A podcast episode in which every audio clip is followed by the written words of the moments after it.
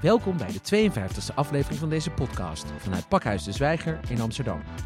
Mijn naam is Maurice Leky en ik spreek met journalist en schrijver Piet Woe. Onlangs publiceerde hij het boek De Bananengeneratie over het dubbelleven van Chinese Nederlanders van nu. Op maandag 18 november is hij te gast tijdens het programma Ontmoet de Chinese gemeenschap van Pakhuis de Zwijger en het Pan Asian Collective. Welkom Piet. Dankjewel. Je bent journalist, redacteur, programmamaker. Uh, en op 24 oktober, dus echt heel recent, bracht je bij uitgeverij Das Mag de bananengeneratie uit. Uh, je eerste boek. Waar ja. verwijst die bananengeneratie naar? Ja, uh, eigenlijk naar de generatie die in Nederland is geboren, maar wiens ouders uit China komen in dit geval bij mij. dus ik noem, het, noem ze bananen, omdat ik dan... Ja, ik werd vroeger door mijn moeder een banaan genoemd. Want zij zei vroeger altijd... Oh, je bent uh, zo Aziatisch van buiten, maar zo wit en westers van binnen. Zoals een banaan eigenlijk. Dus, nou. dus dat is zeg maar de, de Aziatische versie van een bounty? Ja, ja precies. ja. ja. Hey, en eh, was dat ook gebruikelijk trouwens om uh, andere kinderen van Chinese, Nederlandse heritage uh, ook bananen te noemen? Of was dat alleen in jullie gezin zo? Nou, ik heb eigenlijk later ontdekt dat het een, uh, in China wordt een, is het een beetje een woord met een negatieve connotatie. Maar in, binnen mijn gezin was het gewoon van, ah, mijn moeder zo verzuchten van, ah, ik wou gewoon eigenlijk dat mijn kinderen meer Chinees waren. Dat was het eigenlijk, ja. Maar in China wordt daar ook naar gekeken als dat je te verwesterd bent geraakt. Ja, zo van, oh, overseas, oh ja, die van ver weg die nu verwesterd zijn of zo, niet echt Chinees meer zijn, ja.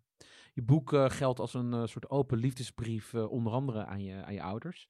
Kun je, kun je wat meer vertellen over het gezin waarin je bent opgegroeid? Ja, ik heb twee broers, één zusje en twee hele leuke ouders. die eerst een restaurant hadden en nu al 25 jaar een snackbar in Tilburg. Um, ja, wat wil je er al weten?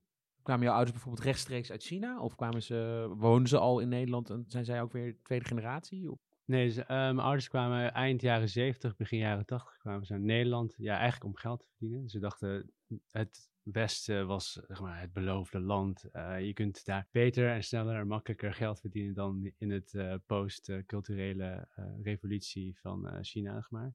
Um, en zij begonnen eigenlijk te werken bij mijn oudoom in Middelburg. Waarna ze genoeg hadden gespaard voor een eigen zaak. En dat begonnen ze in Brabant.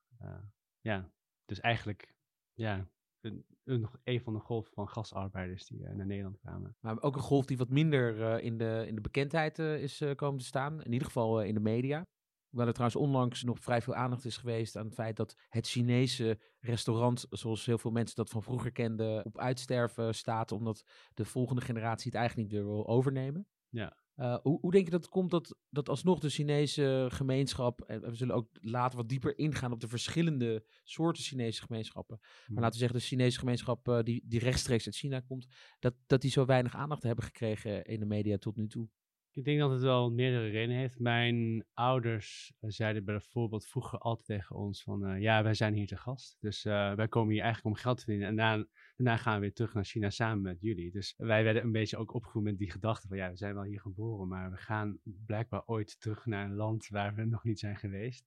En waar je de taal ook wel of niet van sprak? Nee, ik sprak dus de taal, eigenlijk alleen maar de taal van mijn, uh, mijn ouders. Dus die hebben een hele specifieke dorpstaal. Uh, en ik kon dus eigenlijk ook geen Mandarijn of Kantonees toen ik opgroeide. Dus uh, ik zou mezelf daar niet zo goed hebben gered, denk ik. Maar dat was altijd een beetje de gedachte. Dus hun idee was ook, ja, hoe stiller je je houdt in deze maatschappij, hoe beter of makkelijker je geld kunt blijven verdienen. Want zodra je nou ja, ik wil, te luid bent of iets dergelijks, dan kunnen mensen je gaan tegenwerken. Dat was een beetje het idee. Dus ik denk dat dat een beetje idee, het idee is wat bij heel veel Chinese migranten in Nederland destijds in ieder geval uh, leefde. Ja, ja. want uh, voor, de, voor de luisteraar ook weer, je bent dus 34, dus je bent in, in de jaren 80 opgegroeid.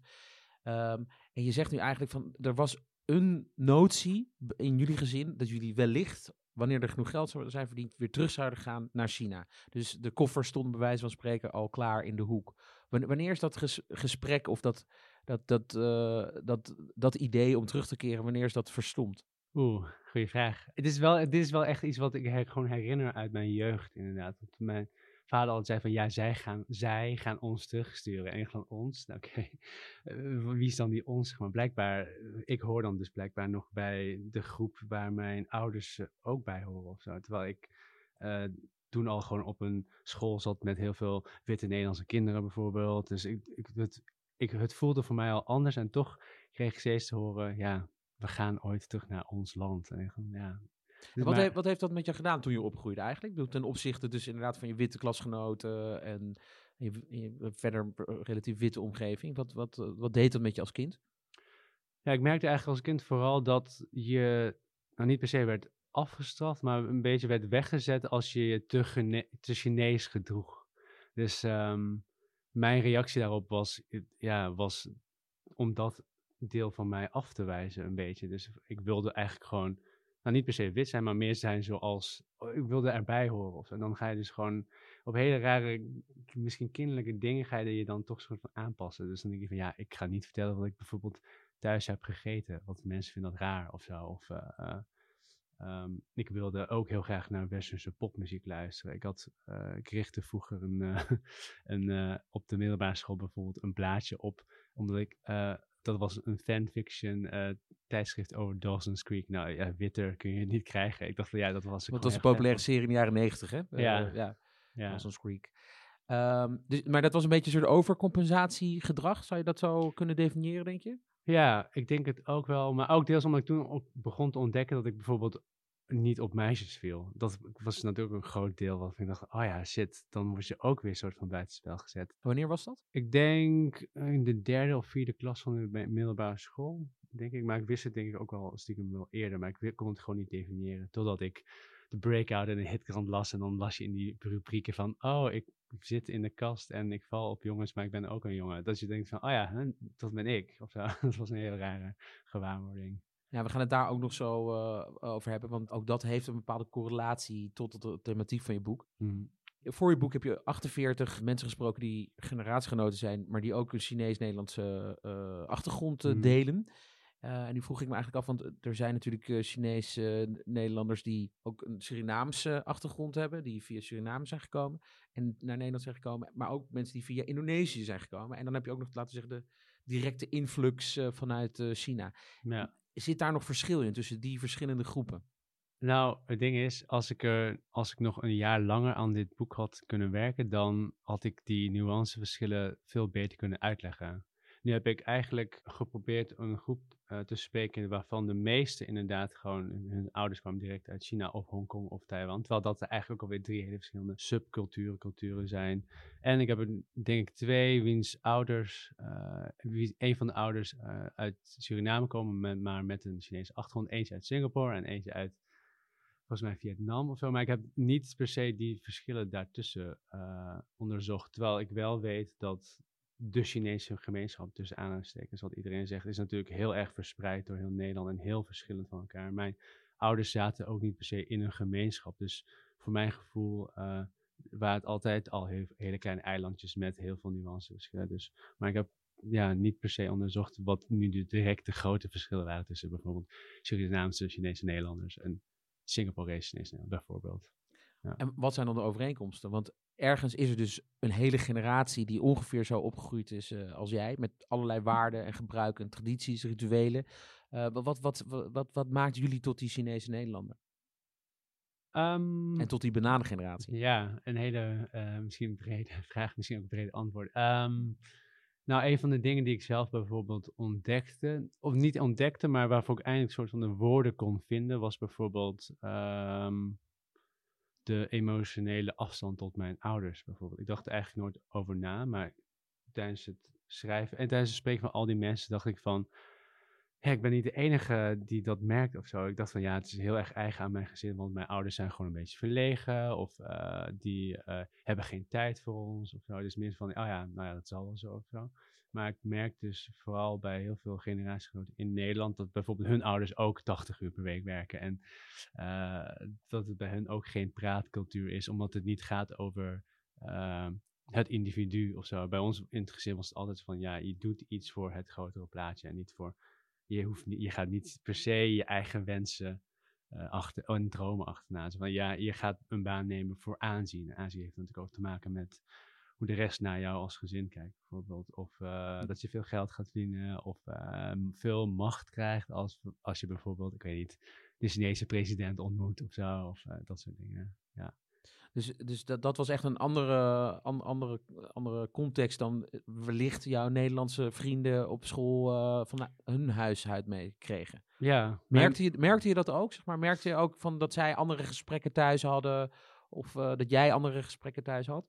Ja, ik denk dat als kind denk je er niet zo over na of zo. Maar later dacht ik wel van ja, voor mijn gevoel uh, zijn alle witte Nederlandse kinderen om me heen, die gaan altijd uh, geval, kamperen en bruschettas maken en Nike schoenen kopen met hun ouders. En ik was dan thuis bijvoorbeeld aan het helpen in de snackbar. Dat was dan mijn idee. Toen dacht ik wel van ja, ja, ik weet niet per se dat ik dat dan wilde of zo, maar dat ik dan toch dacht van ja, dus hoe zou dat ook heel, dat, dat is misschien wel fijner of zo, of ja.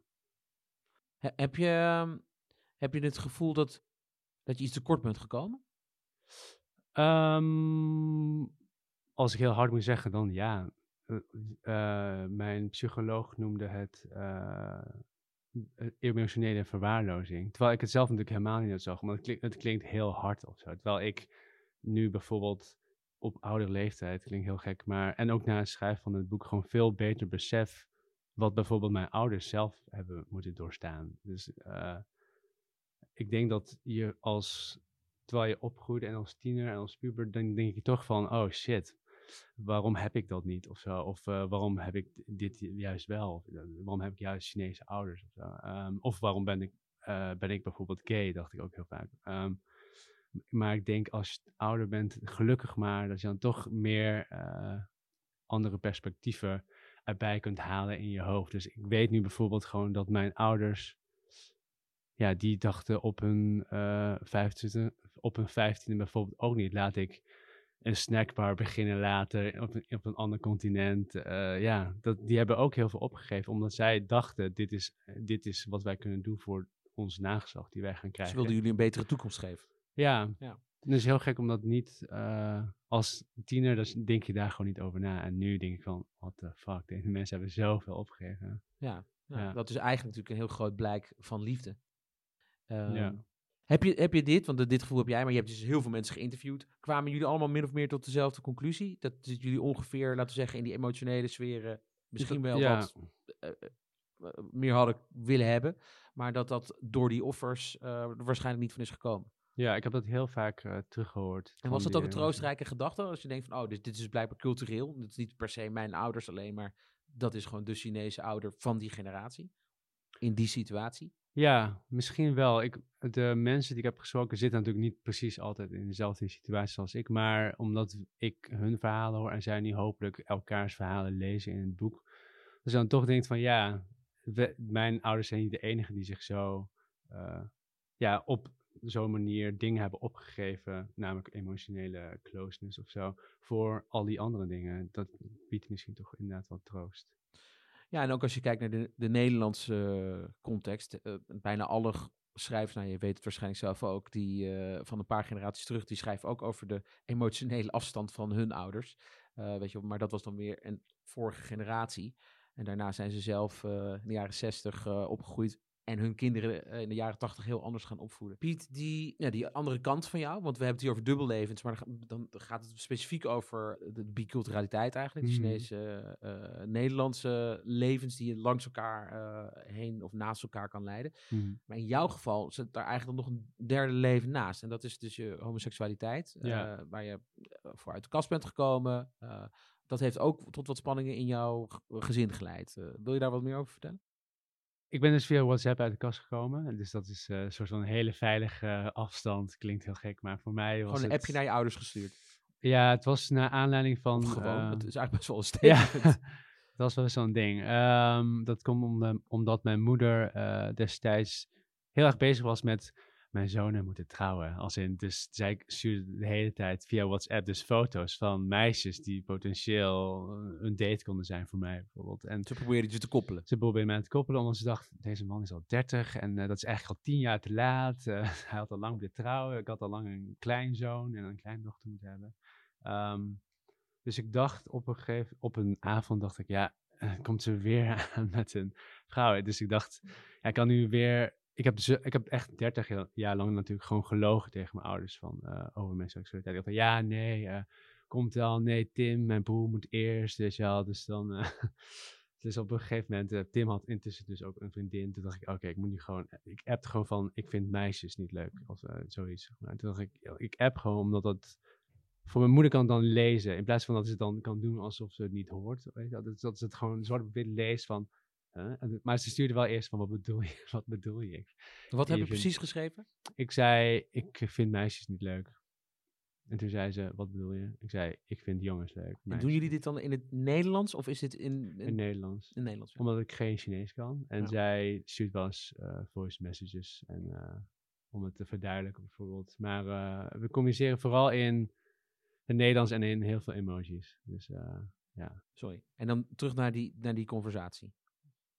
Ik Ja, vind meisjes nou- niet leuk, appte je. Ja, dat was, dat was het eigenlijk. Nou ja, daarna bleef het heel lang stil. Ik eh, ging toevallig op vakantie en eh, mijn zusje die appte nog van... eh, wat heb je gedaan?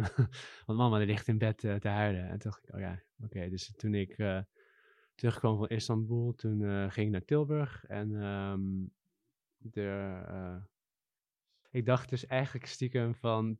Toen ik eh, door de snackbar naar de keuken liep, dacht ik, nou, misschien is er niks aan de hand. Want niemand reageert echt iets o- op, op een hele rare manier. Mijn- Mijn vader zei gewoon gedag en zo. En mijn moeder je had je vader niet direct iets laten weten. Dat, dat ging via je moeder. en mijn moeder, eh, ja, ik heb eigenlijk mijn moeder alleen maar geappt. Ehm, dus eh, mijn moeder deed eerst ook niks, alsof er niks aan de hand was. Ze was gewoon aan het uh, groente aan het snijden eh, in de keuken. En eh, ik dacht van, oh, ik dacht stiekem toch van, heb ik dit dan wel gestuurd? Misschien is het helemaal niet gebeurd of zo.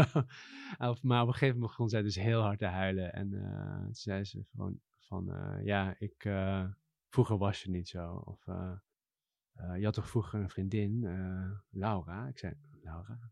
Laura was vroeger mijn beste vriendin op de universiteit. Die kwam één nacht een keer logeren, omdat we naar de Tilburgse kermis wilden. En eh, ja, toen dacht ik wel van, oh ja, shit. Ja, ze, zei van, ja, ze zei van, ben je ziek? Eh, het was gewoon, bleek gewoon natuurlijk dat ze het gewoon echt niet snapte. Ze snapte gewoon niet. eh, Ik denk als je, het is een soort tunnelvisie, als je gewoon je hele leven lang hebt gedacht van, hm, mijn zoon is hetero, of in ieder geval niet over nagedacht dat hij hetero is, maar gewoon, mijn zoon is gewoon zo. Dat ze dan gewoon niet kon plaatsen wat ik stuurde, zeg maar het weekend ervoor. Ze ik, het was echt een soort van kortsluiting. Maar ze huilde wel, dus ik denk dat ze wel een soort van begreep van, ehm, dat dit, ja, ik zei ook tegen haar, ik, je kent mij, ik ben een super verstandig kind, heel raar om over jezelf te zeggen, maar ik zou dit niet zomaar zeggen. Ik, en ik zou ook niet zomaar, eh, eh, ik kan dit niet veranderen, zei ik ook. Ja, dit is gewoon, eh, als ik, als ik voor jou had moeten kiezen, dan was ik hetero geworden, weet je. Maar dit kan, eh, ik probeer daar gewoon duidelijk te maken van, ik ben gewoon zo geboren. Het is gewoon zo, het is gewoon niet zo, weet je wel. Het is zoals het is. Ja, dus eh, toen door haar tranen, ja, ik, ik ben, ik vergeet dit altijd te vertellen, maar door haar tranen heen zei ze eh, op een gegeven moment van, ja, en heb je nu een vriendje? Nee, waarom heb je dan nu ook geen vriendje? Toen dacht ik, oh ja, want het is niet dat ze toen meteen accepteerde, maar ze dacht wel van, ja, maar hij is toch nog steeds 30 en nog steeds geen vaste relatie. eh, ja, dus... heb je ehm, nu een vaste relatie? Nee, ik heb nu geen vaste relatie. Voor mij voelt het eigenlijk nog steeds. Ik heb 30 la- jaar lang hier naartoe gewerkt. Ehm, klinkt heel gek, maar voor mij was het heel belangrijk om alsnog wel tegenover mijn ouders uit de kast te komen. Terwijl heel veel mensen zeiden: Ja, maar is dat echt nodig? Maar toen dacht ik: Ja, maar dan ken je mijn situatie of mijn ouders niet. Het is niet dat ik dat gewoon kon de rest van mijn leven kan negeren of zo. Voor mij is het gewoon net iets belangrijk dat ik ook tegenover mijn ouders eh, eerlijk ben. Elke keer als ik ben, was ik aan het liegen. Ik dacht, dat klopt gewoon niet. Ja. En heb- hebben ze het nu geaccepteerd? Hebben ze jou geaccepteerd zoals je bent? Ehm, nou, mijn moeder zei in de eerste week, toen ik dus net uit de kast kwam, vier jaar geleden, toen zei ze nog van, ja, ik kan dit niet accepteren. En mijn vader zei ook van, ja, dit kun je je familie niet aandoen. Dat was dus destijds. Dus eh, mijn vader eh, en mijn moeder, die uh, hoopten heel erg dat ik alsnog zou kiezen voor een hetero leven. Niet dat ik dus hetero zou worden, maar dat ik dus alsnog zou trouwen met een vrouw en kinderen zou krijgen. Ook gewoon voor de buitenwereld. Dus ja, ik denk dat maar het wel... ook omdat het in de Chinese cultuur nog heel anders is dan in de veel delen van de Nederlandse cultuur inmiddels. Ja, uh, mijn vader zei bijvoorbeeld, je wilt toch wel kinderen? En toen dacht ik, ja, maar ik kan kinderen krijgen. Ik zei het niet, want ik dacht, oké, ik moet deze man even laten razen. Maar hij zei bijvoorbeeld, ja, je wilt toch kinderen die jou later als je overleden bent, dat er iemand jou naar je graf brengt. Toen dacht ik, wauw, dat is een heel raar ding. Ik denk daar niet over na. Maar hij denkt, hij zei letterlijk, ja, daarom heb ik kinderen. Dat ik weet dat ik juist word begraven. Toen dacht ik, wauw, dat is echt zo heftig. Ik zei op dat moment natuurlijk niks. Ik dacht van, ja, het is heel gek om daar tegen in te gaan. Omdat het natuurlijk zo hoort bij de cultuur die hij heeft meegenomen uit zijn eigen land. Duizenden jaren oud. Ja, en dat ik daar dan nog maar even eh, binnen één generatie dat helemaal wegvaag of zo. Ja, wie ben ik of zo. Dacht ik op dat moment natuurlijk. Ehm, maar over acceptatie, ja, ik denk dat het uh, met hele kleine stapjes gaat. Ik heb zelf natuurlijk 30 jaar erover gedaan. Dus hoe kan ik verwachten dat mijn ouders nu na vier jaar al denken van wow, let's go, uh, pride of zo. Dat uh, heeft niet, niet, nog niet zo ver. Um, ja. Je vertelde wat over je boekpresentatie in een voorgesprek uh, wat we hadden. Hmm. Uh, kun je, gebeurde daar iets opmerkelijks, want je ouders zouden eigenlijk niet komen. En wat gebeurde er toen?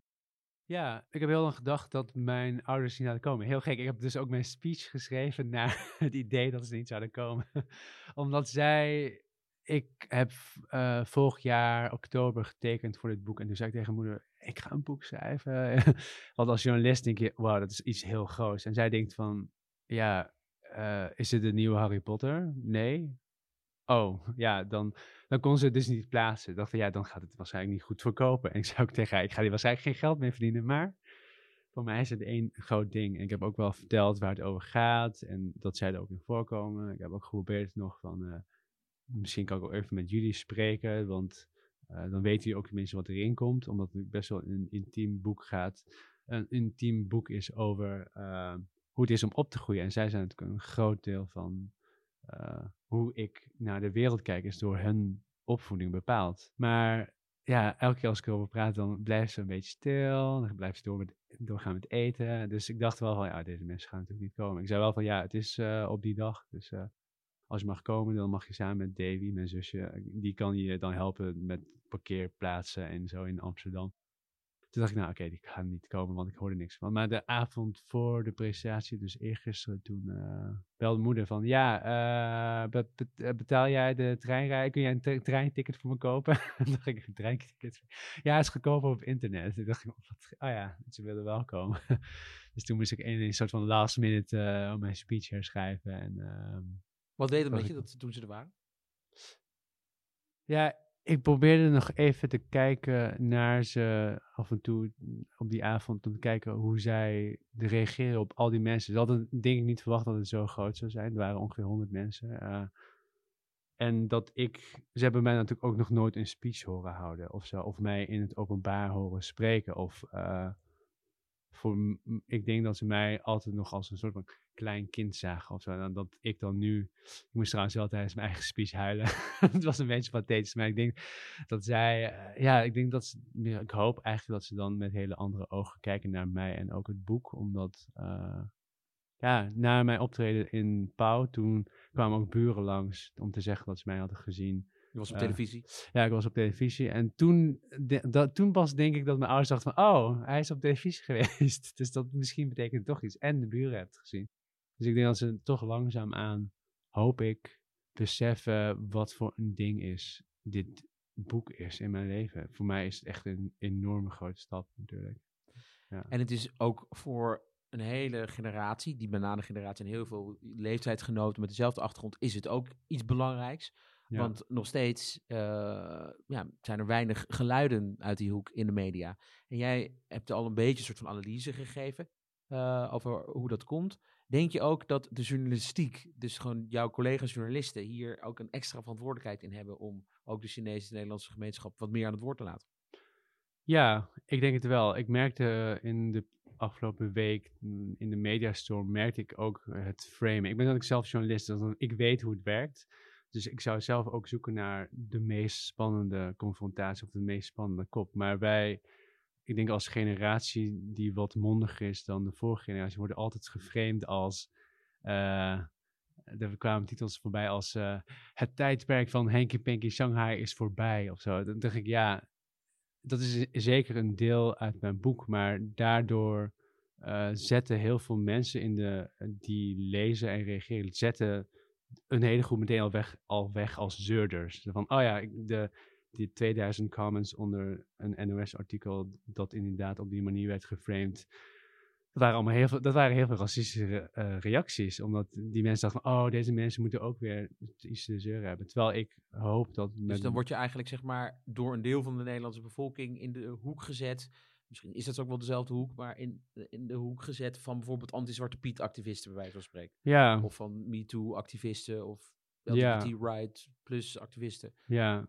Terwijl ik heel erg eh, bijvoorbeeld voorzichtig ben geweest in eh, de keuze van mijn woorden. Ja, ik heb dit bijvoorbeeld niet eh, verteld in de grote media, maar in mijn boek gebruik ik dus nul keer het woord racisme. Dat is wat heel gek is. Ik heb zelfs het deel dat alleen maar gaat over discriminatie en racisme, heb ik anders genoemd. En heel erg gelet Hoe op noem je het dan? Heel veel discriminatie op basis van etniciteit bijvoorbeeld. Of ehm, ja, toch een beetje eromheen. Ik, eh, alleen de mensen die het echt hebben gezegd in een quote heb ik wel het woord racisme gebruikt. Maar ik weet gewoon dat. eh, ja, ik was een keertje op een lanceerfeestje van een tijdschrift. Ik zal niet noemen welke. Maar toen vroeg iemand: Ja, en wat ga je eigenlijk doen voor dit tijdschrift? Toen zei ik: Ja, ik ga een column schrijven over racisme. En toen was ik hem al kwijt. Hij zei: Oh, daar heb ik niks mee te maken. En toen merkte ik al voor het eerst van, dit is echt een triggerwoord wanneer mensen denken dat zij racistisch, racistisch zijn of racisten. Terwijl ik die mensen dus niet racisten noem, maar het idee wat zij neerkladden op internet is gewoon wel racistisch. En ik dacht, ik moet daar gewoon zo voorzichtig mee zijn, omdat ik met dit boek juist wil laten zien, ik wil juist discriminatie en racisme vanaf een andere kant bestrijden. Dus heel veel mensen benoemen het, maar ik wil juist door dit palet van 45, ja, 35 tot 45 verschillende Chinese lan- Nederlanders wil ik juist het idee van de vaste eendimensionale stereotype wil ik juist ontmantelen. Dus mensen blijven ons in hokjes plaatsen, maar ik wil juist, dus dat gaat, blijft gebeuren, maar ik wil juist dat hokje wat breder maken. Dus te, te laten zien hoe al deze gezichten zijn. Dus eigenlijk een beetje vanaf de andere kant het hele idee van racisme en eh, discriminatie bestrijden. Eh, ehm, de mensen die denken dat zij worden weggezet als racisten, zijn juist de mensen die ik wil laten voelen hoe het is om Chinees Nederland te zijn met het boek. Ja, dat geeft mij gewoon zelf ook veel meer hoop en om dit project te doen en te maken. Maar ik zat dus wel laatst in de auto met iemand en die zei: Waarom wil je je zo graag de lezer zo comfortabel laten voelen door dat woord niet te gebruiken? En toen dacht ik ook wel van: Ja, omdat ik weet, ik wil heel graag een eh, constructief eh, gesprek voeren of zo. En ik merk gewoon dat er gewoon heel veel triggerwoorden zijn waardoor dat niet kan. Dus ik ben gewoon heel veel mensen kwijt zodra ik dat noem. En toch dacht ik wel van, ja, eigenlijk heeft diegene naast mij in de auto gewoon gelijk natuurlijk. Want, maar omdat ik gewoon zo vaak heb gemerkt eh, in de artikelen die ik schrijf en eh, in die gesprekken die ik voer, dat het zo'n, zo'n, mensen hebben, maar, ja, mensen geven een zo'n zware lading aan. En ja, ik wilde het dus niet minder maken dan het is. Maar ja, het, de lading die het geeft is eigenlijk ook hoe je het woord zou moeten gebruiken. Maar om een, echt een gesprek te voeren met degene die het bij voorbaat niet met je eens te zijn, ja, dat maakt het te moeilijk, denk ik. Je benoemt ook eh, stereotyperingen en bepaalde eh, vooroordelen die, eh, die, die de bananengeneratie en Chinese eh, Nederlanders in de Nederlandse samenleving hebben moeten verduren, zeg maar, in al die jaren. Wat, wat, wat, wat zijn nou de meest in het oog springende stereotyperingen? Nou, misschien eigenlijk degene die ik zelf ook zelf heb gehad. Als ik, naar, eh, als ik op straat loop en ja, vroeger dan andere Chinezen of Chinees Nederlands zag, dat ik dacht, nou, die eh, zijn vast heel stil of zo. Of die, zijn vast, die kunnen vast geen Nederlands. Terwijl, oh, ja, als mensen naar mij kijken, denken ze dat waarschijnlijk ook. Dus ik, ja, dat was voor mij misschien het meest rare dat ik eh, zelf ook veel van die eh, beelden had. Maar eh, ja, wat, ja, wat ik nog meer? De stereotype aseksuele nerd bijvoorbeeld. Of de, het, het onderdanige geisha-meisje. de overstrenge eh, ja, dat soort dingen. De kung krijger bijvoorbeeld. Nou ja, wat, wat, wat interessant is ook in het, in het hele eh, ge- publieke gesprek over inclusiviteit en over gelijkwaardigheid en diversiteit, Hm. ehm, zie je dat bepaalde groepen, eh, mensen met een eh, andere etnische achtergrond dan de Nederlandse in Nederland, ehm, ja, toch echt best wel zeg maar, uitgesproken zijn in wanneer het een feitelijke situatie van racisme of discriminatie is. Uh, maar de, de Aziatische gemeenschap, en dat is niet alleen maar de Mhm. Chinese uh, Nederlandse gemeenschap, maar de bredere Aziatische Nederlandse gemeenschap, die spreekt zich in dat publieke gesprek minder uit, lijkt het. Hè? Dus het zijn eigenlijk echt uh, individuele gevallen. Herken jij dit en heb je het gevoel van dat, dat er eigenlijk wel veel meer sprake van racisme en discriminatie is, maar dat men nog steeds die, ook al zijn we alweer 40 jaar later, nog steeds die cultuur van we houden onze mond dicht omdat we moeten op, of niet moeten opvallen in de Nederlandse samenleving? Ja, ik denk dat het deels gewoon een erfenis van hoe wij uh, zijn opgegroeid door onze ouders. Dus uh, inderdaad, wat je zegt, uh, het stilhouden, dan vaart, dan vaart je beter in de maatschappij of zo. Terwijl dat natuurlijk niet per se zo is. Um, dus ja, ik herken dat. Um, maar ik, ik zie maar zie, ook... hoor je ook andere geluiden? Hoor je nu ook een geluid ja. van een generatie? Want daar hoor jij zelf dus bij. Die zegt van, hé, hey, ik ga me hier wel over uitspreken. Ja, eigenlijk best wel. Ja, klinkt gek, maar uh, juist door al die mensen te spreken, denk, merk ik heel erg dat mensen zich hier heel erg over op kunnen winnen. Logischerwijs natuurlijk. Uh, dus ik denk dat deze generatie ook gewoon veel meer uh, middelen heeft om zich uit te spreken. Mijn ouders, die kunnen niet vloeiend genoeg Nederlands om zich uit te spreken hierover. En ze hebben natuurlijk nog steeds die houding van, we houden ons stil. Terwijl wij gewoon eigenlijk Nederlanders zijn. En denk van ja, uh, een beetje weer dat mondigere van de, de Nederlanders. Uh, en we kunnen ons bijvoorbeeld op social media, kun je gewoon veel meer doen. Ook al, ik sprak een meisje dat wat ver, zich zelf bestempelt als wat verlegen. En dat, ze denkt, dat zij zegt, ja, via social media kan ik me wel gewoon uit. Ik spreek me gewoon heel hard uit tegen al die uh, subtiele, discriminerende dingen tegen Oost-Aziaten. Oh ja, ik vond dat heel erg uh, fijn of zo, dat zij toch een middel had gevonden om zich uit te spreken. Ja. Als in, in, in Nederlandse nieuws uh, China wordt besproken, hè? China wordt wel vaak, uh, wordt, komt heel vaak voorbij. Hoe, hoe kijk jij daar als Chinese Nederlander tegenaan? Heb je het gevoel van dat gaat eigenlijk over mijn land? Ja, eigenlijk dus gek genoeg niet. Ik ben wel, ik, ik heb wel dus heel veel mensen gesproken en dan is het altijd een beetje een gradatie van hoe erg je je nog verbonden voelt met het land van je ouders. En ik zit wel echt een beetje aan de kant dat ik denk van ja, ik volg het wel, maar ik volg dezelfde media als heel veel andere mensen over China. Het is niet dat ik meer ineens veel meer weet. Ik ben er drie keer geweest bijvoorbeeld. En, kan je daar dan inblenden trouwens ook?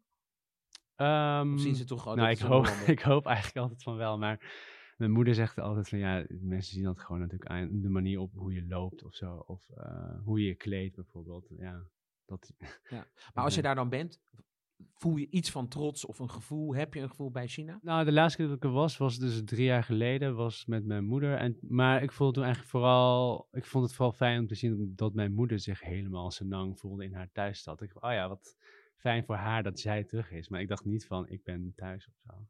Nee. Want het, het komt natuurlijk ook misschien door de taal. Ik, als mijn moeder uh, twee, uh, twee meter, 200 meter verderop loopt, dan ben ik eigenlijk al verloren. Ik denk, oh ja, uh, ik ga, wat ga ik doen? ja, ik kan niks lezen. Dat, is, ja, dat helpt niet echt, uh, nee. Wat denk je dat je eigenlijk meer heeft gevormd, zeg maar? Je homoseksualiteit of je Chinese roots? Um, bedoel, zou je dit boek ook hebben geschreven als je hetero was geweest, bijvoorbeeld? Ja, hele goede vraag. Ik heb het er heel kort over in het boek volgens mij ook. Maar ik denk dat ik, klinkt gek, maar als ik wist vanaf een jonge leeftijd dat ik dus homoseksueel was. Ik wist natuurlijk altijd dat ik Chinees was. Maar ik wist wel, ik moet iets opbouwen. Zodat als ik word, bijvoorbeeld word onterfd door mijn ouders, dat ik op eigen poot kan staan. Terwijl dat bijvoorbeeld mijn broer en zusje, bijvoorbeeld, die hadden dat ene kleine issue, nee kleine, dat, het hele idee van seksualiteit hadden ze natuurlijk niet. Uh, dus ik dacht, ik moet, uh, een goede, ik moet een goede baan, ik moet zelf zo snel mogelijk financieel onafhankelijk worden, ik moet goed afstuderen, et cetera. Dus ik denk dat die ene extra drive me wel heeft geholpen op een gekke manier om snel onafhankelijk te worden van mijn ouders. Ik kwam alsnog al pas op mijn dertigste uit de kast, maar ik wil meer dat... Dat was precies het moment waarop ik dacht, oké, ik ben, ik heb, ben onafhankelijk genoeg op heel veel gebieden. En als ik het nu zeg, dan heb ik nog een huis om te wonen. Of uh, heb ik nog een baan, of uh, een vriendenkring, uh, een goede vriendenkring om op terug te vallen, mocht het gebeuren. Het is gelukkig niet gebeurd, maar ik denk dat het dat me wel echt op een hele grote manier heeft gevormd.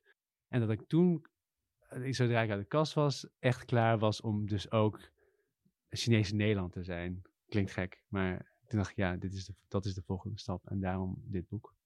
Dankjewel. Piet Woe. Graag gedaan. Beste luisteraars, dit was de 52e aflevering van de podcastserie van Pakhuis de Zwijger. Meer weten over dit onderwerp? Kom dan naar het programma Ontmoet de Chinese Gemeenschap op maandag 18 november. Wil je meer informatie over de andere programma's van Pakhuis de Zwijger? Ga dan naar dezwijger.nl. Een rating achterlaten of je abonneren op deze podcast kan via Soundcloud, Spotify, iTunes of een ander podcastplatform. Dank voor het luisteren en tot de volgende keer.